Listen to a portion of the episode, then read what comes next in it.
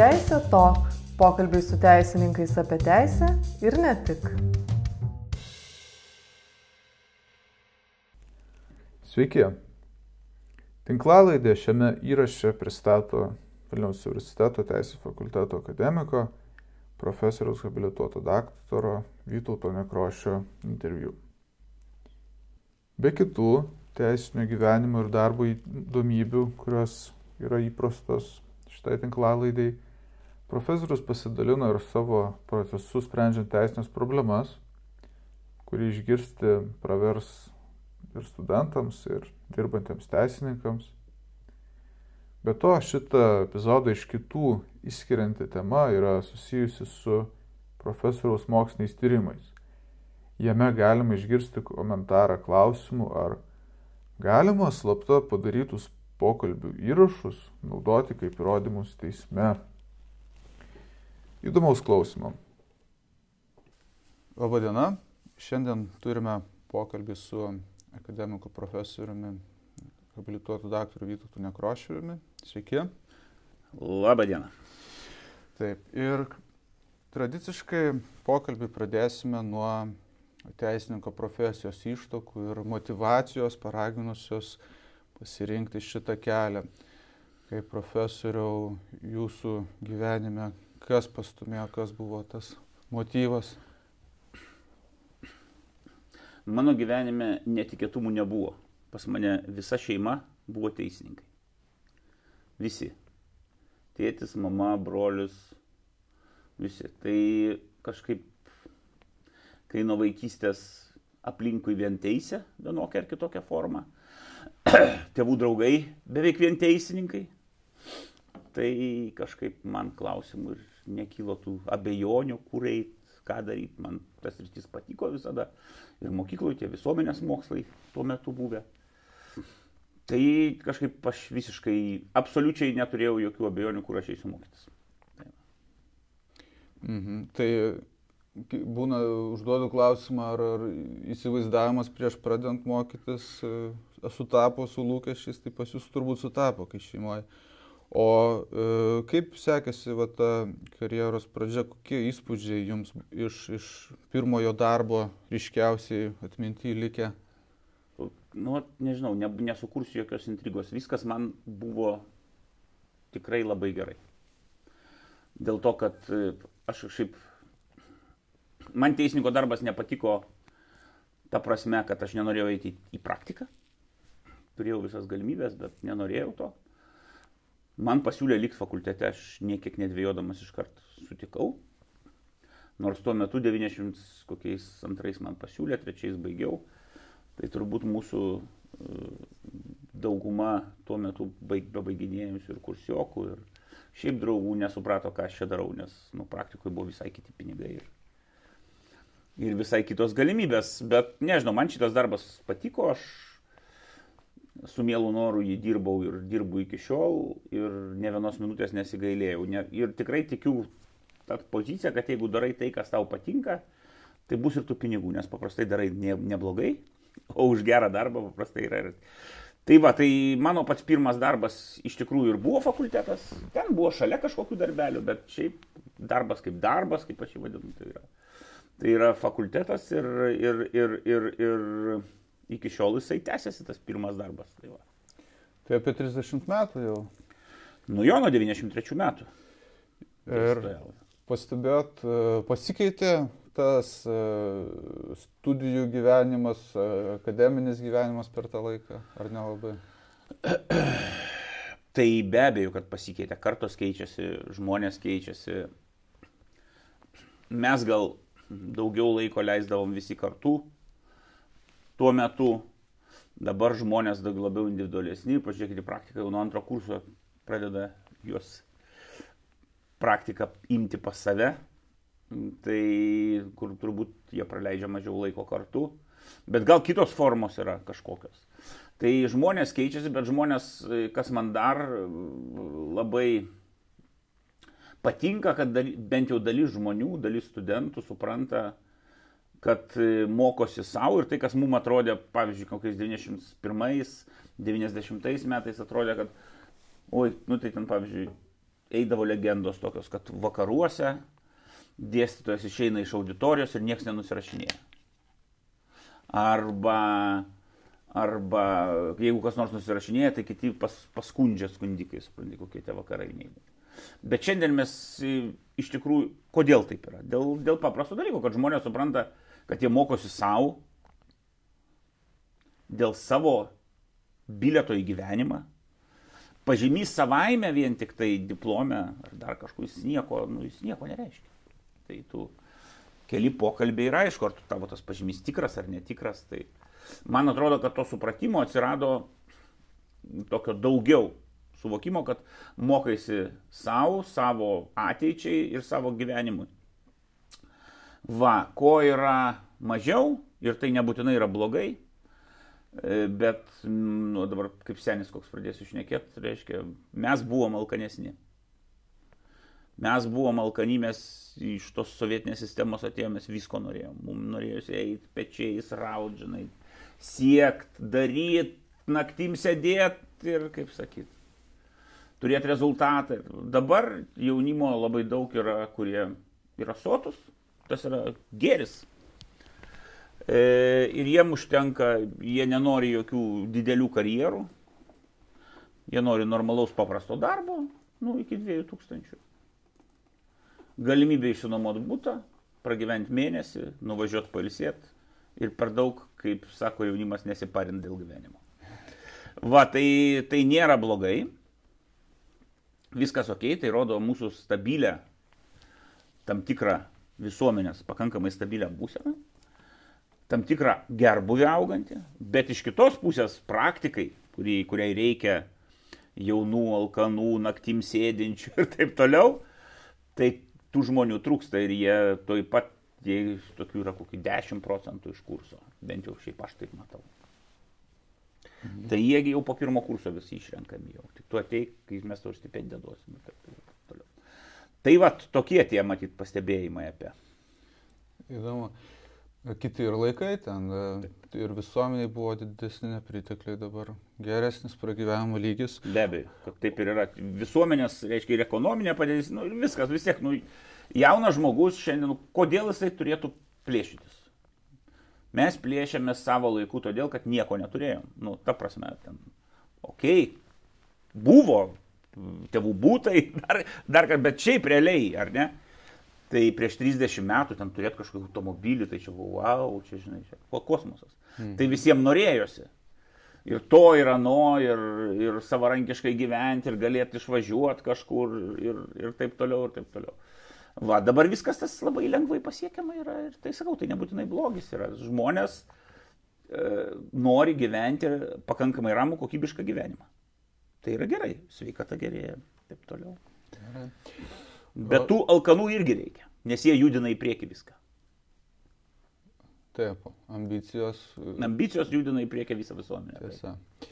Uh, užsiminėt apie uh, mokymosi motivaciją. Štai vat, uh, turbūt visgi pas dalį studentų, ne tik teisė, visur būna įsitikinimas, kad čia teorijos mokina, praktikoje to daug nereikės, ką reikia, darbę išmoksiu, tas learn by doing. Bet antra vertus yra ir požiūris galbūt, kad ko dabar nepasimokysi, jau paskui praktikoje nepaskaitysi tikrai.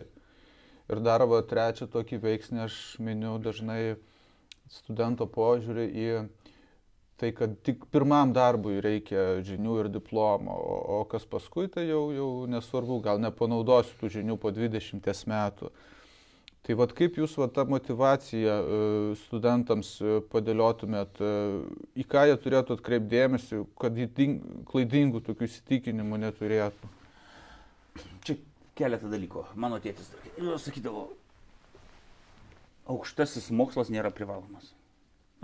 Jeigu nori learn by doing, tai eik į kolegiją, proftechniką, tai ten tam yra skirta.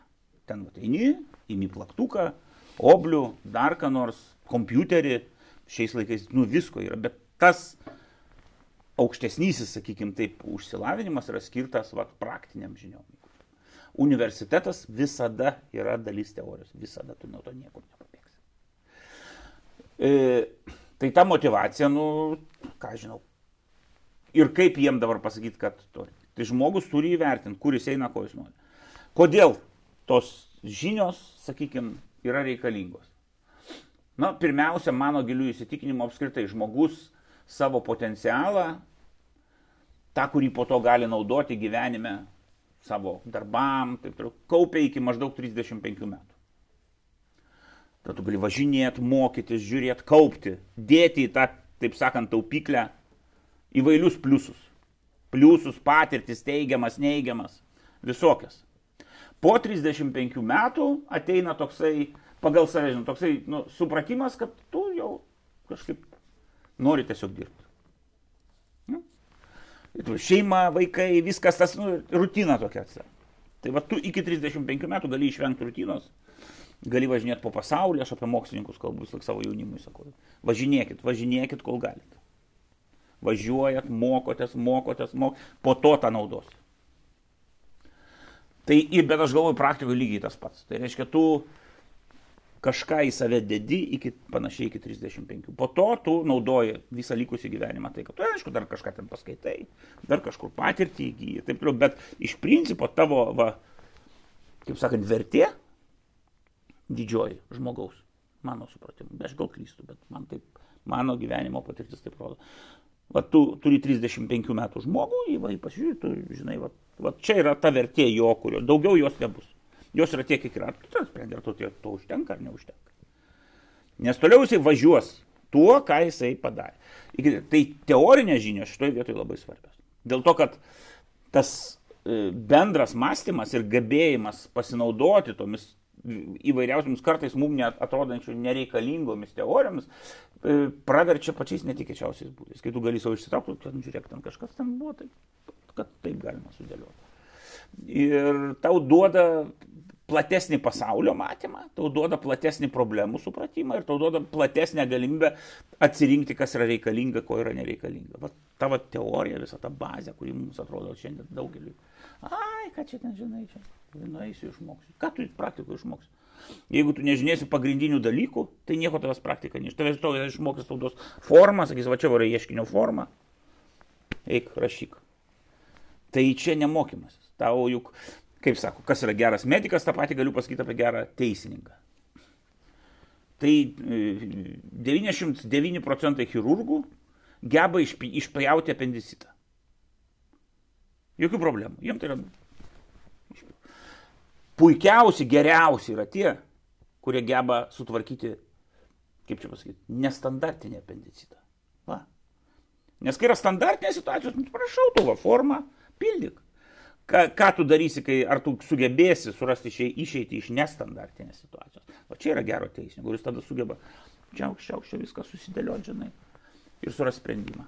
Principais vadovaujantis teoriniam, žinau, visokom.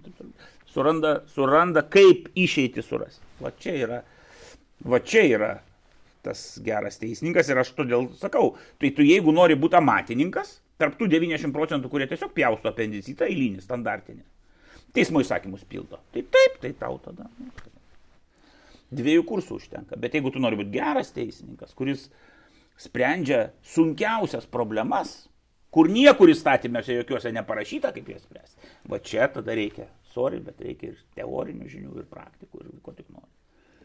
Ja. Nu, va, jau užsiminėte apie sunkias problemas. Žinoma, čia matyti penkių metų reikia išmokti su jomis dirbti, bet gal ir daugiau, iš ties, bet pabandykim gal truputį panalizuoti, gal kokie e, kriterijų patarimą, kaip spręsti jas, ar kokį gal vieną pavyzdį neseną pamenat, kurį galėtumėt paminėti?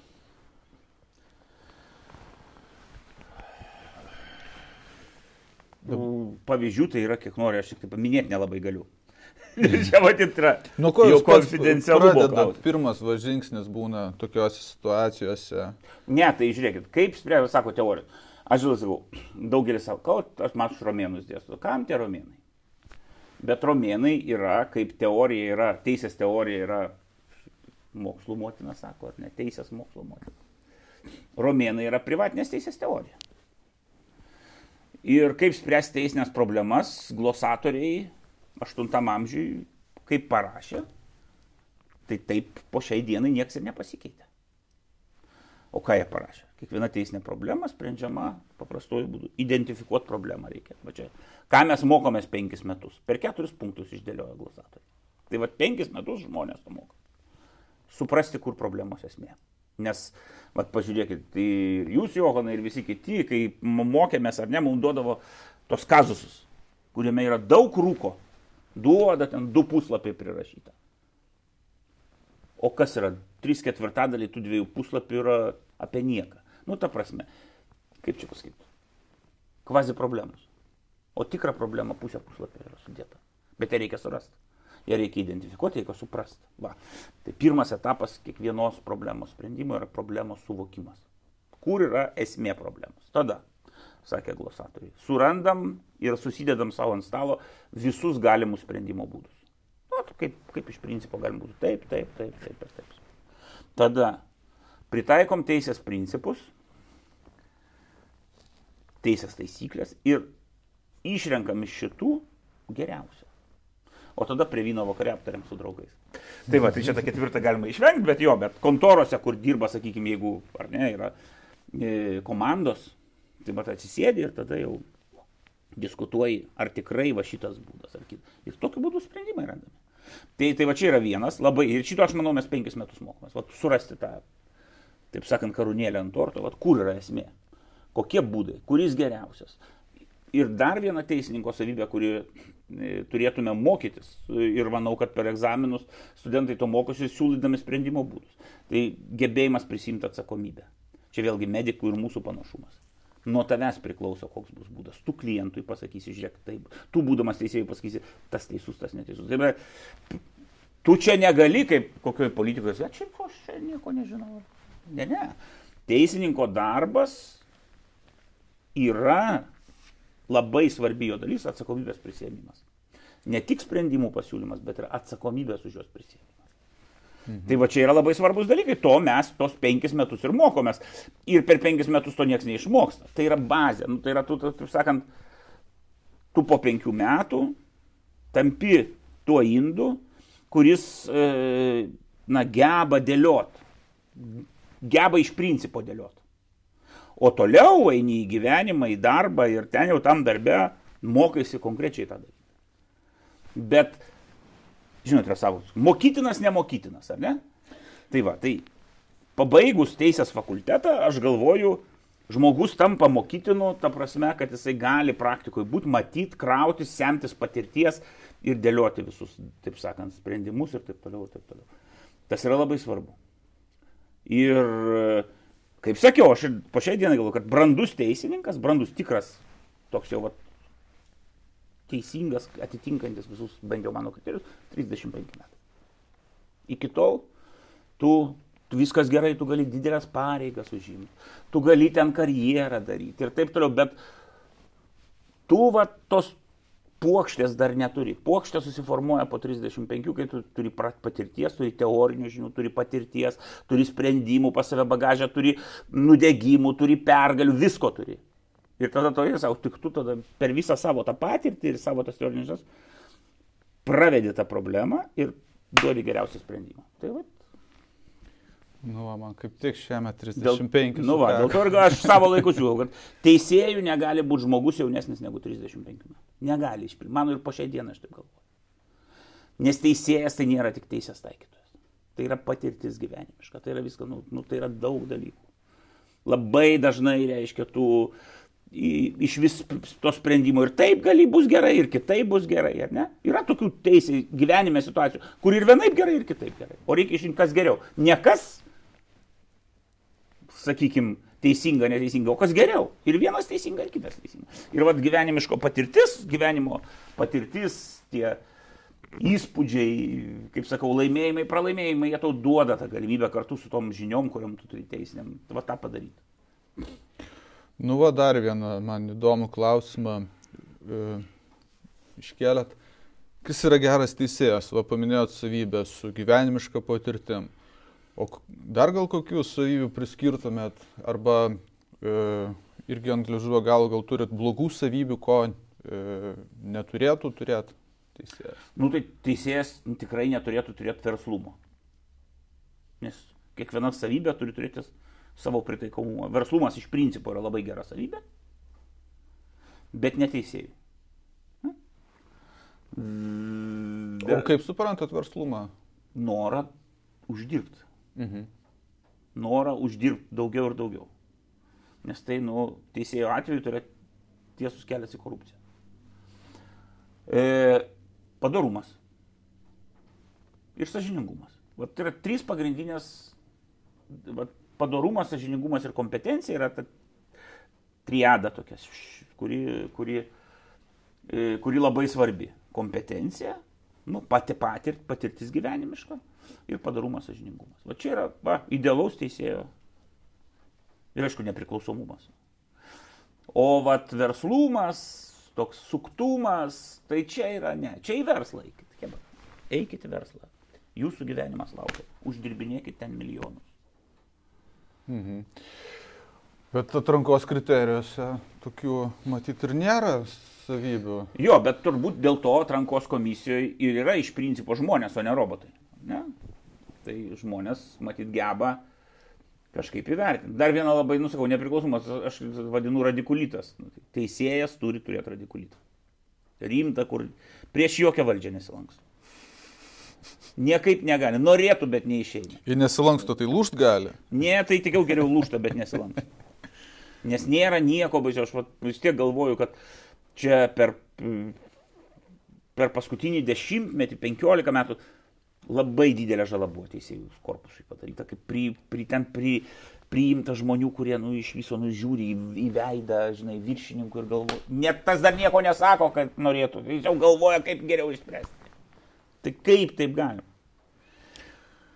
Galbūt pas kai kurios yra ta šiek tiek verslumo gysla galvoja. Gal postą kažkokį. Tai aš ir kažkur- sakau, verslumo neturi būti pas, neturi turėti šito bruožo. Jisai turi būti, kaip toks štorme buvo profesorius e, ilgą laiką, pasaulinės procesualistų asociacijos vadas, dabar jau miręs. Jo paklausė, ką daryti, kad, tai, kad būtų kokybiškas teisingumas. Nu, ką įstatymai, nesakė įstatymai čia neprie ko. Tai Reikia gero teisėjo, viskas. Visos teisminės valdžios esmė. Geras teisėjas. Geras teisėjas, sakau, va, ten, sąžiningas, suradikulytų, kompetitingas ir su gyvenimiška patirtimi. Tai gal ta radikulyta- Matantis gyvenimą plačiau, ne tik tarp raidžių, nes teisėjui neužtenka tarp raidžių matyti. Nereikia matyti kodekso. Tarsi jis, jis žino viskas kaip. bet Gyvenimas yra ne kodeksas, ypatingai privatiniai teisė. Mhm. Reikia spręsti gyvenimiškas problemas tarp žmonių, tarp įmonių, tarp partnerių, tarp, tarp sutoktinių. Va čia yra. Ir jo autoritetas turi padėti jam tą daryti. Tai gal tam radikulitui sukelti dar padėtų kažkokie sisteminiai pokyčiai, galbūt ir tam skiriame teisėjų. Bet yra teisėjų taryba šioks toks saugiklis nuo politikų. Esmingai, Gal ir- esmingai šiandien mažinčiau prezidento galės. Reiktų keisti konstituciją. Ir esmingai didinčiau teisėjų savivaldos įtaką. Galbūt skiriant ir konstitucinio teismo e, teisėjas ir kandidatus, ir tarptautinių teismų, gal čia teisėjų taryba galėtų stipriau Manau, kad taip. dalyvauti. Manau, kad taip. Reikia bendradarbiavimas, nu, ta prasme, turi būti labai aiškus bendradarbiavimas tarp valdžių, tarp teisminės valdžios ir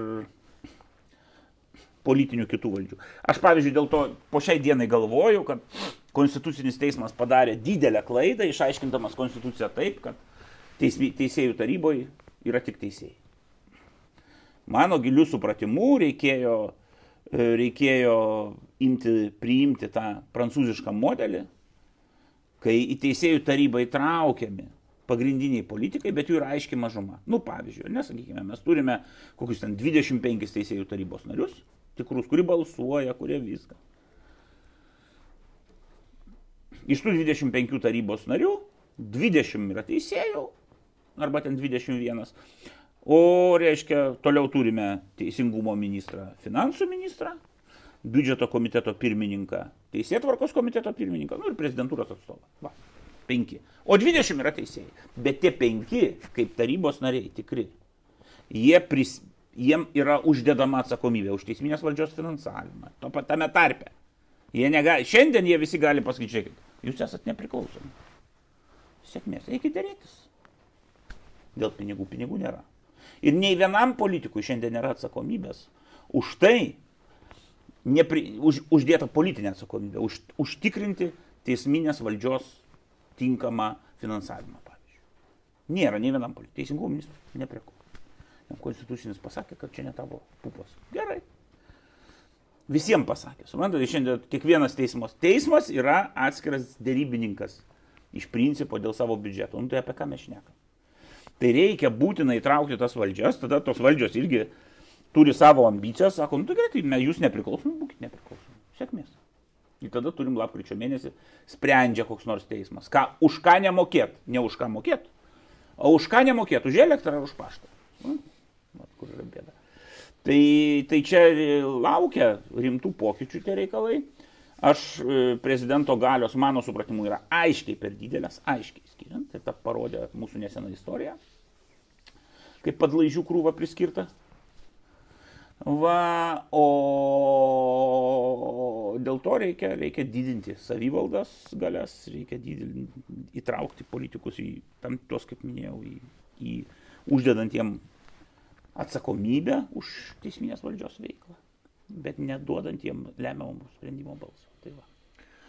Oponentai iš karto tada sakytų, kad reikia teismų atvirumo, kad e, gali būti e, uždara sistema, kažkokie klanai, dar kažkas. Tai e, galima nesutikti, kad dabar per mažai atvirumo, bet kažkoks kraštutinumas įmanomas. Tai kaip jūs sakytumėt, išvengti to kraštutinumo? Aš nelabai suprantu, Johanai, o dabar čia tipo per kurią vietą tas atvirumas toks. Per tai, kad Seimas e, intrigomis vadovaudamasis nesugeba pusę metų konstitucinio teismo teisėjų patvirtinti. Čia, čia kur arba kai prezidentūroje išreitinguotų dešimties kažkodėl ne pirmas, ne antras, ne penktas pasirenkamas, ne aš ne dabar sakau, bet iš principo. Buvo tokia istorija, ne viena. O koks nors aštuntas arba devintas, čia yra atvirumas. Ir sako, kodėl jūs tokį pasirinkote, jam sako, čia prezidento diskrecija arba prezidentas. Tai čia atvirumas? Čia netvirumas. Atvirumas yra tada, kai procesai vyksta skaidriai, pagal aiškės taisyklės, Ir visiems aišku, kodėl yra vienas ar kitas kandidatas paskirtas. Va, čia yra atvira sistema. O ne tai, kad mes ten priimsim 50 venskienių, kurios spręs, kas bus teisėjai. Atsiprašau, čia netvirumas, čia nesąmonė yra. Tai atvira sistema tada, kai jinai yra aiški, skaidri ir visiems aiškus kriterijai, pagal kuriuos patenkama į vieną ar kitą teisėją. Va, viskas. Dar Na, aš iš tikrųjų plačiai nepakomentuosiu, čia ne mano argumentas, tiesiog norėjau iškelt. E, bet e, viena dar iš priemonių, kurią e, siūlo to, sakykime, atvirumo šalininkai, tai prisikusiųjų teismas, ar tarėjo, ar kažko, koks jūsų požiūris į šitą į prisiekusiųjų teismą. Taip. Į prisiekusiųjų teismą mano požiūris kategoriškai neįgiamas. Kategoriškai. Pasakysiu kodėl. Lietuva mažas kraštas. Duokit man pavardę, žmogų ir dvi savaitės. Ir aš tikrai iki jo nueisiu. Tikrai. Rasiu ką nors. Tai tokių ne vienas, tokių daug. Surasti Lietuvoje, nes juk mes kalbam, kalbėdami apie prisiekusius, kalbam apie tas sunkias bylas, su rezonansu bylas, ar ne? Nu, vad dabar Kristijono Bartoševičiaus bus byla. Kaip kažkada, turbūt. Nu, ir kaip jūs įsivaizduojate dabar surasti Lietuvoje nepriklausomus, visiškai nešališkus, kurie visiškai eliminuojami nuo viešosios erdvės, kaip yra Amerikoje. Ne? Nes Amerikoje iš kitos valstijos surenka žmonės, kurie iš visą vedą bylą nelabai, juos ten uždaro viešbučiuose, neduoda jokių susi... nei laikraščių, nei nieko skaityti, kad būtų maksimaliai tik teismo salėje jie susiformuotų savo įspūdį. Kaip tai yra įmanoma Lietuvoje? Neįmanoma. Bet tarėjų institutam tai yra pasiūlyta koncepcija guli puikiai. Manau, visai nebloga koncepcija jau kokius, kokius jau turbūt kokius šešis metus guli Seime, niekas jos nejudina. Nes kai paskaičiavo, kiek, nes ko mes norim? Ar mes norim pliuso pasakyti, va yra tarėjų institutas, ar mes norim normaliai veikiančio tarėjų instituto. Jeigu mes norim normaliai veikiančio tarėjų instituto, jis kainuos daug. Ar tie kaštai verti tos reformos yra kitas klausimas. Tai va, tarėjų, tarėjų institutą įvedinėti galima, ne visose bylose. Daly bylų pradžioje bent jau. Jo, bet turim suvokti, kad žmogus reiškia yra atitraukiamas nuo darbo. Taip? Ne vienai dienai, ne šiaip jam reiks po to ten matyti svarstyti. Reiškia, kažkas už tą darbo dieną turi mokėti. Ar tą turi daryti darbdavys? Ne, tą turi daryti valstybė. Dėl to, kad nedarbdavys jį kažkur pasiuntė. Į valstybę paėmė, valstybė paėmė, valstybė turi susimokėti. Bent jau teisėjo vidutinio darbo užmokestį. Reiškia, už tą dieną. Ar dvi dienas. Va, prašau, vieną problemą. Toliau atsiranda kita problema. Toj darbo vietoje nebus žmogaus, kaž, kažkas ten turės dirbti. Nu, okei, okay, šitą galim sakyti darbdavys, bet irgi kainuoja. Ir taip toliau, ir taip toliau. Kas eis, kas neeis. O ką jeigu, o ką jeigu mes pakvietėm tarėjus, netvyko. Posėdis atsideda. Čia yra daug problemų, bet iš principo tarėjus galima būtų judinti. Iš tikrųjų, daugelio Europos valstybių tie tarėjai tam tikrose bylose yra, po šeimos bylose galėtų būti. O tarėjas psichologas vienos pusės, ne, koks, vienoj pusėje teisėjo psichologas, kitoj dar kažkoks šeimos specialistas ir vat, jie su teisėju kartu vat, nusprendžia, kaip geriau, ko vaikas vyks, kaip ten santykiai bus, kaip ten jie bendraus. Va čia tokia profesionali pagalba. E, Tai va. Ir kai kuriuose, būdžiamuose, kai kuriuose bylose turbūt galėtų būti. Kur, kur, kaip sakant, reikia patirties gyvenimiško supratimo, o ne, o ne, tie, o ne, o ne, ne tiek teisės, kiek va, tų dalykų. Supratimo, patirties ir taip toliau. Tai va, galima būtų pradėti judinti, bet kažkaip nejuda niekas. Mhm. O dėl amikus kūrė, Tai irgi savotiškas e, visuomenės atstovų dalyvavimas, gal kaip eksperto rolė ar kita amikos kūrė šito dabar gal vyksta, gal jau papildomai nieko nereikia, ar manot kažko daugiau su to padirbti reikėtų? Na, nežinau, čia manau, kad reikia palikti gyvenimui kol kas ir pasižiūrėsim, kaip viskas juda. Tada galima. Dabar jau man patinka, kas mūsų teisiniai sistemai, kad vis daugiau ir daugiau sričių, kur nereikia būti, kad kažkas vyktų, kad būtų sureguliuota. Tai teismų praktika sutvarko kažkokią problemą.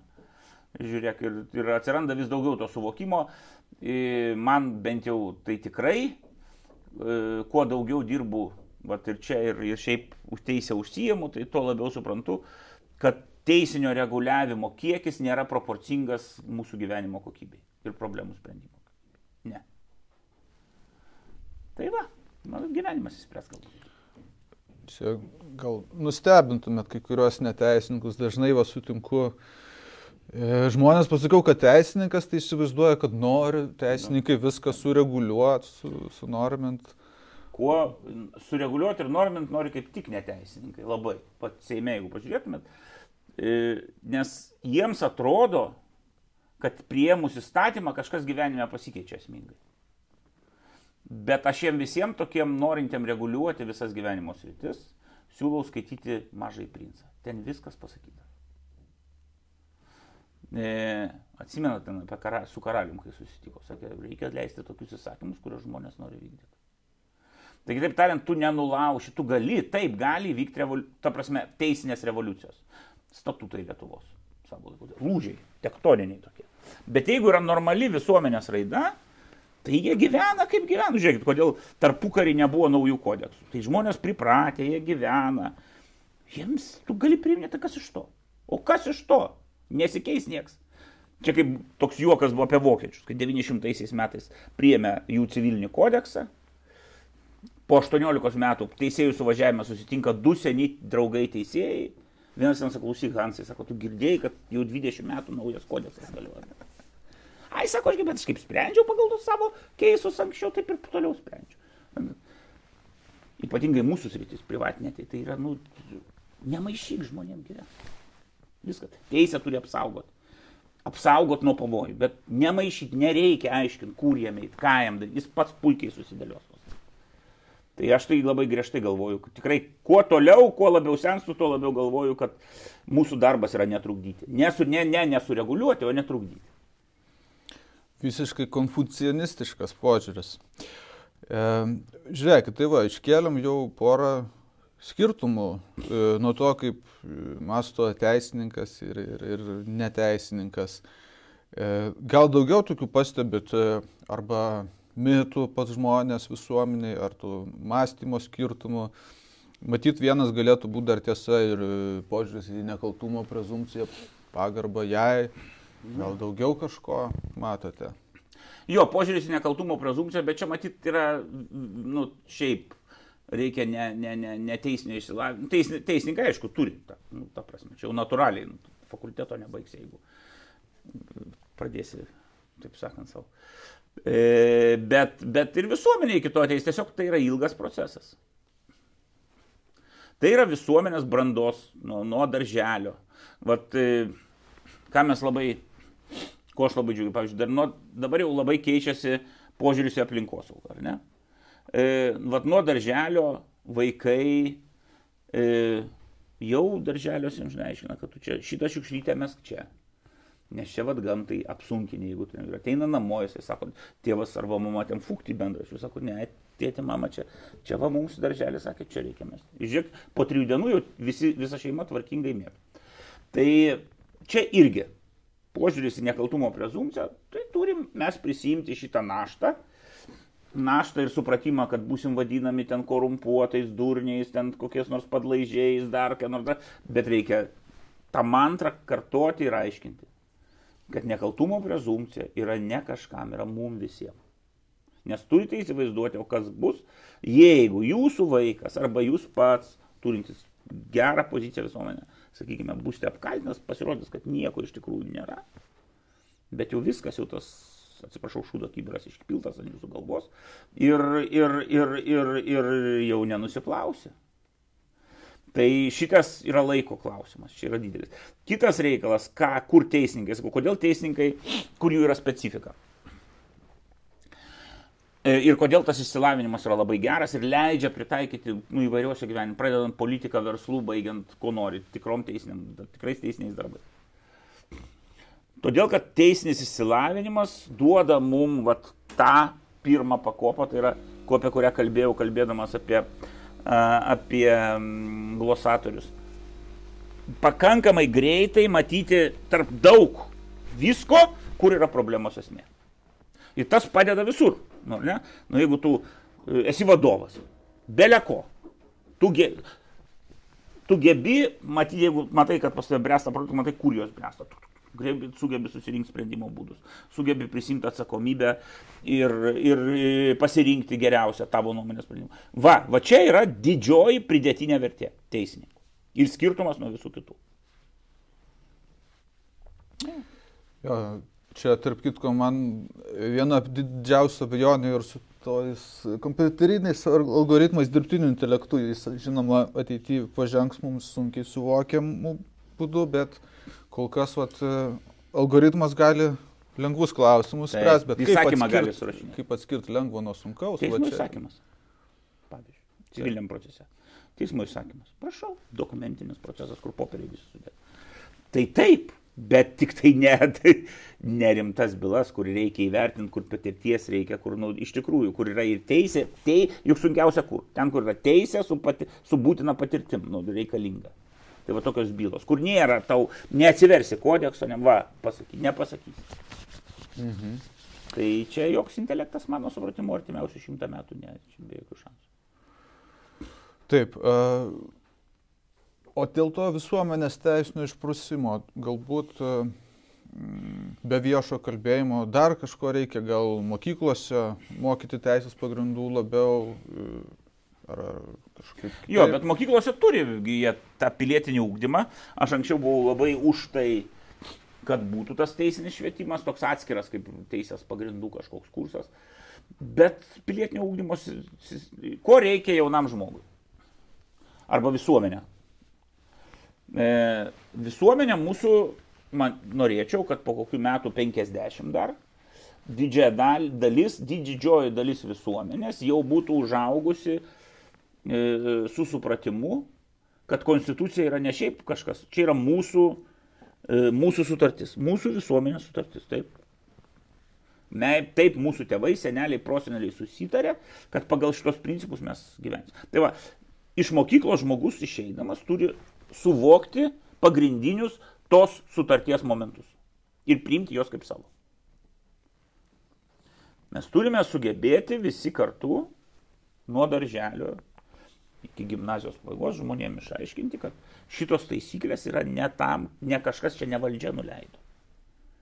O tam, kad mes kaip visuomenė neišsivaikščiotume, turėtume bendrų vertybių, jas gerbtume ir galėtume taikiai gyventi. Viskas. Daugiau nereikia nieko. Būtų puiku. Ir tikiu, kad tai bus. Taip. E, e, pasukime kalbą link dar teismo proceso. E, truputį jau ap, aptarėme jį. E, viena iš savo nesenų publikacijų aptarinėjo įrodymų leistinumo klausimą. Dabar e, visuom iš, e, vėlgi neteisininkų dažnai girdžiu tokį klausimą. Ar galiu įrašinėti pokalbį? Pavyzdžiui, su darbdaviu slapta, e, panašiai, ar galiu, ar po to galim bus naudoti tokį įrašą ar ne. Ką atsakytumėt tokiam žmogui? Aš šiandien atsakyčiau, nežinau, nes, nes įstatymas to nereguliuoja. Teismų praktika to nėra išsprendus. Teismų praktika pasisakė dėl vieno e, atvejo, kur, reiškia, du verslininkai, ten, dėl paskos, pasakė, čia ne privatus gyvenimas, nors mano supratimu tai yra privatus gyvenimas. Bet jie nenorėjo spręsti problemas, ne privatus gyvenimas, nėra problemos, galite naudoti. O kitoj, va dabar, darbdavys su darbuotoju, čia irgi ne privatus ar privatus. O dar kažkas su kažkuo. Tai čia kiekvienu atveju taip ir spręsim. Tai iš tikrųjų pasaulyje yra problema iš esmės išspręsta, suformuota teismų praktikos yra e, tokia koncepcija civiliniam procese, civilinėse bylose.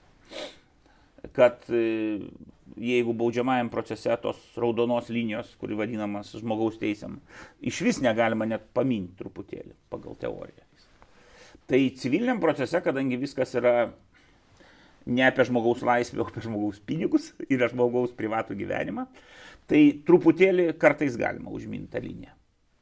E, e, reiškia, jeigu, ką šiandien rekomenduočiau tokiam žmogui, jeigu kitais būdais šito įrodymo gauti yra neįmanoma arba labai labai sudėtinga, ok, pliusas. Jeigu šitas įrodymas yra labai svarbus, ok, pliusas. Ir jeigu tas pažeidimas yra santykinai mažas, o nauda labai didelė. Va, trys kriterijai, pagal kuriuos aš vertinčiau, sakyt, vad galima man su darbdaviu. E, bet jeigu tu turi sutartį su darbdaviu ir jis tau kažko nesumokėjo ir iš sąskaitos matyti ir buhalterija tau visada įrodys, negalima įrašinėti. Bet jeigu turi su darbdaviu kažkokį mobbingą, ar ne, mobbingo atvejį, tai turbūt, kad nei buhalterija, nei niekas kitas tau neparodys. Tada turbūt galima įrašinėti ir dėti teisme. Tai šitie trys kriterijai, sakau, svarbumas įrodymo, santykinai nedidelis pažeidimas ir labai didelė nauda ir neįmanomumas gauti kitaip to įrodymą. Mhm. Ir jeigu šitie kriterijai yra, ok, netgi įstatymo pažeidimas leidžia, tada gali leisti teismui priimti tokį įrodymą.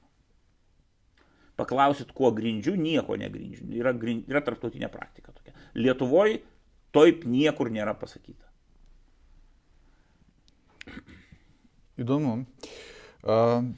Gal pastebite dar kažkokių įdomių e, vietų taikant proceso normas teismuose, kažkokiu nebūtinai su įrodymu leistinumu ar su kažkuo kitu, kas e, ar, ar, ar, ar reikalautų kažkokių pokyčių, ar, ar galbūt kitokio dėmesio? Taip. Ir čia reikia to lūžio e, net nežinau kaip dabar jį pavadinti. Pas mus CPK, bet ir kitose įstatymuose turim mm, vakarų teisės tradiciją visą, jos pats svarbiausias mano supratimų taškas, kuris skiria mus nuo bizantiškosios tradicijos arba diktatoriškos tradicijos, kas mus skiria nuo Baltarusių ir Rusų. Nes ir ten viską pagal įstatymą daro. Tai reikia priima įstatymą. Mūsų skiria Vienas paprastas dalykas reiškia, jeigu atsiversim CPK trečią straipsnį, ten pirmoji daly pasakyti, visi įstatymai turi būti aiškinami vadovaujantis protingumo, teisingumo, sąžiningumo principas. Čia yra esmių esmė. Kai e, pateinant į nuo romėnų laikų, kai Ciceronas pasakė, būtų kvaila manyti, kad kiekvienas įstatymas yra teisingas. Ir va čia teisėjo atsakomybė yra. Išaiškinti taip, ne užsiimti E, kaip čia pasakyti, gramatinių. Vat parašyta taip ir viskas. Vakarietiška teisė leidžia teisėjui pasakyti, ne, neleidžia, ne taip paskui, įpareigoja teisėją pasakyti, kad va šitoj situacijai šitas parašymas yra neteisingas. Ir dėl to aš aiškinsiu kitaip. Taip, kaip yra teisinga aiškinti. Tai va to aš labai pasigendu. Labai dažnas. O kodėl tu taip sakai, bet taip neparašyta. Va čia kas yra pasakymas iš teisėjų, iš advokatų, iš, iš kitų praktikų. Bet šitaip neparašyta. Žmogau, tu esi teisininkas, privalantis prisimti atsakomybę. Ir čia yra noras nusimti atsakomybę. Vat jūs man parašykit, tada aš darysiu. O jeigu neparašysi, nedarysiu. Kodėl? Dėl ko, kam man to reikia? Bet jokia teisė, joks įstatymas gyvenime nesurašys visų gyvenimiškų situacijų. Tu gali surašyti nusikaltimus, ar ne, baudžiamajam kodekse. O surašyti 20 nusikaltimų, čia yra nusikaltimai pagal mūsų visuomenės supratimą. Visa kita nėra nusikaltimai. Valio. Bet kai mes kalbame apie privatinį, apie privatų žmonių gyvenimą, apie verslus, apie ką nors, tai kaip tu, kaip tai, tai, tai, tai kodeksą civilinį gali dešimt kartų didesnį padaryti. Vis tiek bus gyvenime situacijų, kurios neaprašytos. Tu CPK gali padaryti dešimt kartų, vis tiek iškils gyvenime situacijos, kurios neprašyti. Ir va čia, aš to pastebiu labai, yra nedaug žmonių dar santykinai, kurie sako, okei, okay, mes čia pafantazuosim. Pafantazuosim per tos teisingumo, protingumo kriterijus, per principus bendruosius, surasim būdą, padarysim veikimą. Aš to būdu prisijimu atsakomybę, taip, gali aukščiausias teismas pasakyti, durnas, tu nekrošiau, netaip padarai ir mes nu, naikinsim tavo sprendimą, bet to nereikia bijoti. Nes taip plėtojasi teisė ir taip jūs sprendžiat teisėjo e, pagrindinis uždavinys yra išspręsti teisingai problemą, neteisę pritaikyti. Formaliai pasakyti, straipsnis toks, būk laisvas. O žmogui problemą išspręsti. Žmonėm, šalim. Va. Turim. To aš pasigendu. Bet mes dar tik tai turim neužmišti. 3, kiek čia, 23 metai nepriklausomi. 20 Du netgi jau taip jau normaliai tikrai. Tai čia nieko yra, čia apie nieką. Mozė žydus 40 metų vedžiojo. Vedžiojo ne dėl to, kad kelio nežinojo, žinot istoriją. Vedžiojo todėl, kad seni papročiai būtų pamiršti, nauji išmokti. Mm. Nu, va, tai čia link to ir keliaujame jau nedaug liko. Na, man atrodo, kartais šitoje diskusijoje žmonės pasiklysta vertime su ta latiniška fraze Dūra leks, sed leks. Oi, nu tai čia paėmė, paėmė tris žodžius ir, ir, ir, ir nepaėmė visų kitų. Tai aš sakau, tai Ciceronas pasakęs buvo kvaila galvoti, kad kiekvienas įstatymas yra teisingas. O akvitas, tai iš viso čia yra teisingumo tas kriterijus, matas, tai nu, nuo formuliarinio proceso, nuo pirmo amžiaus mūsų, reiškia, jau po Kristaus, tai nu tai iš vis apvertė viską. Visai čia įvedė. Mhm. Duralex atlex yra diktatūrų esminis, ar ne? Bet jūs neatsimenate, o aš kad kaip mokiausi vertimus. O, įstatymą, o toks yra įstatymas. Ir nieko mes padaryti negalim. Galim ir privalom. Normalioji laisvoji visuomeniai galim ir privalom. Gerai, e, dabar dar pokalbį norėčiau e, pakreipti teisės moksliškumo temą. Visgi e, turite didelę turtingą patirtį akademijoje. Gal kokių patarimų e, pradedantiems mokslininkams, doktorantams e, gal, turėtumėt, e, kaip, kokios būna gal tipiškos klaidos, ypač vat, doktorantų nesu, nesusi, ar magistro darbus rašančių, kurie tiksliai nesupranta, kas yra mokslas. Galbūt paskaito vadovėlį ir galvoja, va, taip va, turi atrodyti mokslo darbas kaip vadovėlis. Kaip jūs? Aš turiu vieną patarimą mokslininkam jauniem visiems. Visiems. Be išimties. Dinkit iš Lietuvos. Tiesiog net žodžio prasme. E, ne visam laikui, jokių būdų nesuprantu. Bet sakiau, iki 35 metų esi, jeigu tu nusprendai būti moksle, tai reikia suprasti, kad nėra uh, Lietuvos mokslo tokio, kaip, nu, civilinio proceso. Taip yra Lietuvos civilinio proceso teisė. Bet jinai neatsirado dėl to, kad ten nekrošius dar penki susėdo, pakrapštė galvas ir surašė kodeksą tokį, ne? Seimas priėmė. Ne. Iš kažkur ėmėsi patirties, žinių, skaitė, žiūrė. Dėl to visiems savo doktorantams, kur žiūrėk, pirmi metai egzaminai, antri metai užsienis. Ir po to pagal galimybės ilgai negrįžti iš čia. Eik žiūrėt, kaip žmonės gyvena, kultūra kokia yra. Bibliotekoje sėdėk, knygą skaityk, su praktikais bendrauk, semkis, pildyk savo tą tautybę ir rašyk. Kaip rašyk? Paprastai. Skaitai, skaitai, tau kažkas patiko, pamatėjai problemą, pamatėjai, pažiūrėjai pasaro, rašyk straipsnį. Ir rašyk. Vieną parašysi sunkiai, antrą parašysi lengviau, trečią parašysi dar lengviau. Tu išmoksti tą daryti, jokių problemų. Bet svarbu yra, kai mes kalbam apie kokybę, svarbu, aš netikiu doktorantūrą Lietuvoje. Nu, ta prasme, tik Lietuvoje. Tu turi išvažiuoti ir pamatyti gyvenimą. Pamatyti gyvenimą, pamatyti mokslą kitose valstybėse, susipažinti su žmonėm. Nu, ta prasme, tai yra labai svarbu. Labai svarbu. Jeigu man ateina pas mane mano žmogus, kuris nori būti mano doktorantu, sako, aš ir aš norėčiau Lietuvoje būti visą laiką, ačiū, aš ne pas mane. Pas mane tai nebūsi Lietuvoje iš viso. Pagal galimybės. Nes turi matyti gyvenimą pasaulyje, atsiverti jam ir tada ir kokybė teisės bus kita ir viskas. Nu, tai, va, tai čia, va, čia yra esmė. Mhm. Mokslas, kaip sakė toks profesorius Justickis, man psichologija, tai jis nedėstė savo laiku. Mokslas yra tokia bjaurybė, kuri guli, gimsta gilioj tinginystėj, gulint su knyga lovoje ir spjaudant į lubas. Tai čia toks, nu, sušaržuotas reikalas, bet taip, mokslui reikia laiko. Jeigu tu nori daryti, tu negali. Aš, pavyzdžiui, nu, įvairių žmonių yra. Yra įvairių žmonių. Yra, pavyzdžiui, tokių žmonių, kurie gali dirbti visą dieną, pasakyti, o, dabar turiu dvi valandas, einu straipsnį parašysiu. Nu, aš, pavyzdžiui, taip negaliu. Man reikia nutrinti visus kampus namuose. Nes visą laiką, žinokit, kaip pradedi galvoti, ai, ne, nu dar tą reikia padaryti, nu dar aną reikia padaryti. Po to jau supranti, nėra ką daryti, tas prisėdimas man, pavyzdžiui, yra sunku. Atsisėdai, šoviai, tada jau važiuoji. Bet reikia to ramybės aplinkos, kur nebėgiojimo, kažkokio va tokio, kur tu gali, va šiandien aš tik tai to užsiimu. Ir gal tu per visą dieną 10 minučių tam paskirsi bet tai bus labai kokybiškos 10 minučių. Tai va, tai laiko reikia mokslų. Taip, mes turim, jeigu tu nori daryti mokslą, nes vėlgi, ar nori daktarą pasidaryti, ar mokslą nori būti. Tai čia vėlgi apsisprendimas žmogaus. Ar ne, nes šiandien toli gražu nėra, nėra čia, jokia čia pareiga padarius daktarę likti fakultete. Tai galėjai praktiką, pilna turim advokatų, kurie, reiškia, parašė, padėkojo, ačiū ir nuėjo toliau dirbti. Tai tavo varkoje tokį darbą tu gali padaryti ir būdamas praktiko. Bet jeigu tu nori būti mokslininku, tai tu turi būti plataus požiūrio žmogus.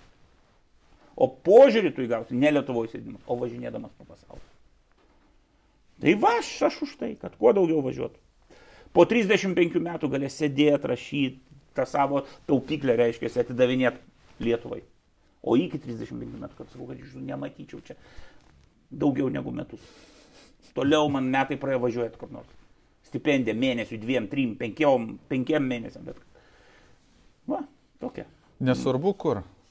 Ne, nu tai geriau, aišku, kodėl svarbu kur. Važiuoti reikia ten, kur gali kažką gauti, o ne šiaip gerai praleisti laiką. Ar ne? Tai tu, jeigu mes apie procesą kalbam, pavyzdžiui, taip, vokiečiai, klasika, prancūzai, nori britiškos tradicijos, važiuok ten, Bet, nu, į Baltarusiją nėra ko ten važiuoti, kad ten veiks. Ten nebent pats gali pamokyti juos, bet. Jūs irgi nema, daug buvot užsienį, dirbo, turit e, tų ryšių. Daug. Gal pastebit kažkokiu e, skirtumų esminių tokių tarp Lietuvos teisininkų ir, ir vakarų šalių? Ne, aš, aš manau, kad mes šiandien jau esam vakarų dalis. Viskas. Nėra esminių skirtumų. Nėra esminių skirtumų. Viskas yra ok. Mūsų advokatai šiandien puikiausiai tarptautinėse bylose atstovauja viskas lygiai su didžiausiom pasaulio kontorom. tą pats mačiau ir jokių problemų. Mhm. Gal jau mūsų po, laikas artėja link pabaigos, gal yra dar koks klausimas, kurį pats savo užduotumėt, iškeltumėt, ar manot viską svarbiausia aptariam? Ai, nežinau. Klausimas yra turbūt vat, vis, vis, vis išgirstų, tai jūs teisininkai tokie sausi, tokie čia vat, tik įstatymas. Ir šiaip jūsų labai daug. Tai dėl daug, tai čia nėra ką šnekėt, pilna darbo yra. Tik, tik eikit. Darbo kiek nori. Plus profesija labai, kaip sakau, plati, labai daug kur gali pritaikyti. E, o savo, nežinau, ar, ar aš, pavyzdžiui, ką nors keiščiau, jeigu dabar vat, galėtų atsukti 20, ar nekeiščiau. Gal dar daugiau važiuočiau. Va, e, bet šiaip tai visiems visada linkiu to, ko man ir mūsų klasiai, pavyzdžiui, palinkėjo savo laikų Myša Jakobas, išleisdamas mūsų matematikos mokę. Šitą pavardė turbūt daugeliu yra žinoma, girdėta. Tai sakė, nu, būkit laimingi žmonės, o laimingi žmonės tai yra, turi turėti dvi savybės. Darbą, kuris patinka ir šeimai, kurią nori sugrįžti. Nu, viskas. Tai aš to pačio visiems linkiu. Puiku.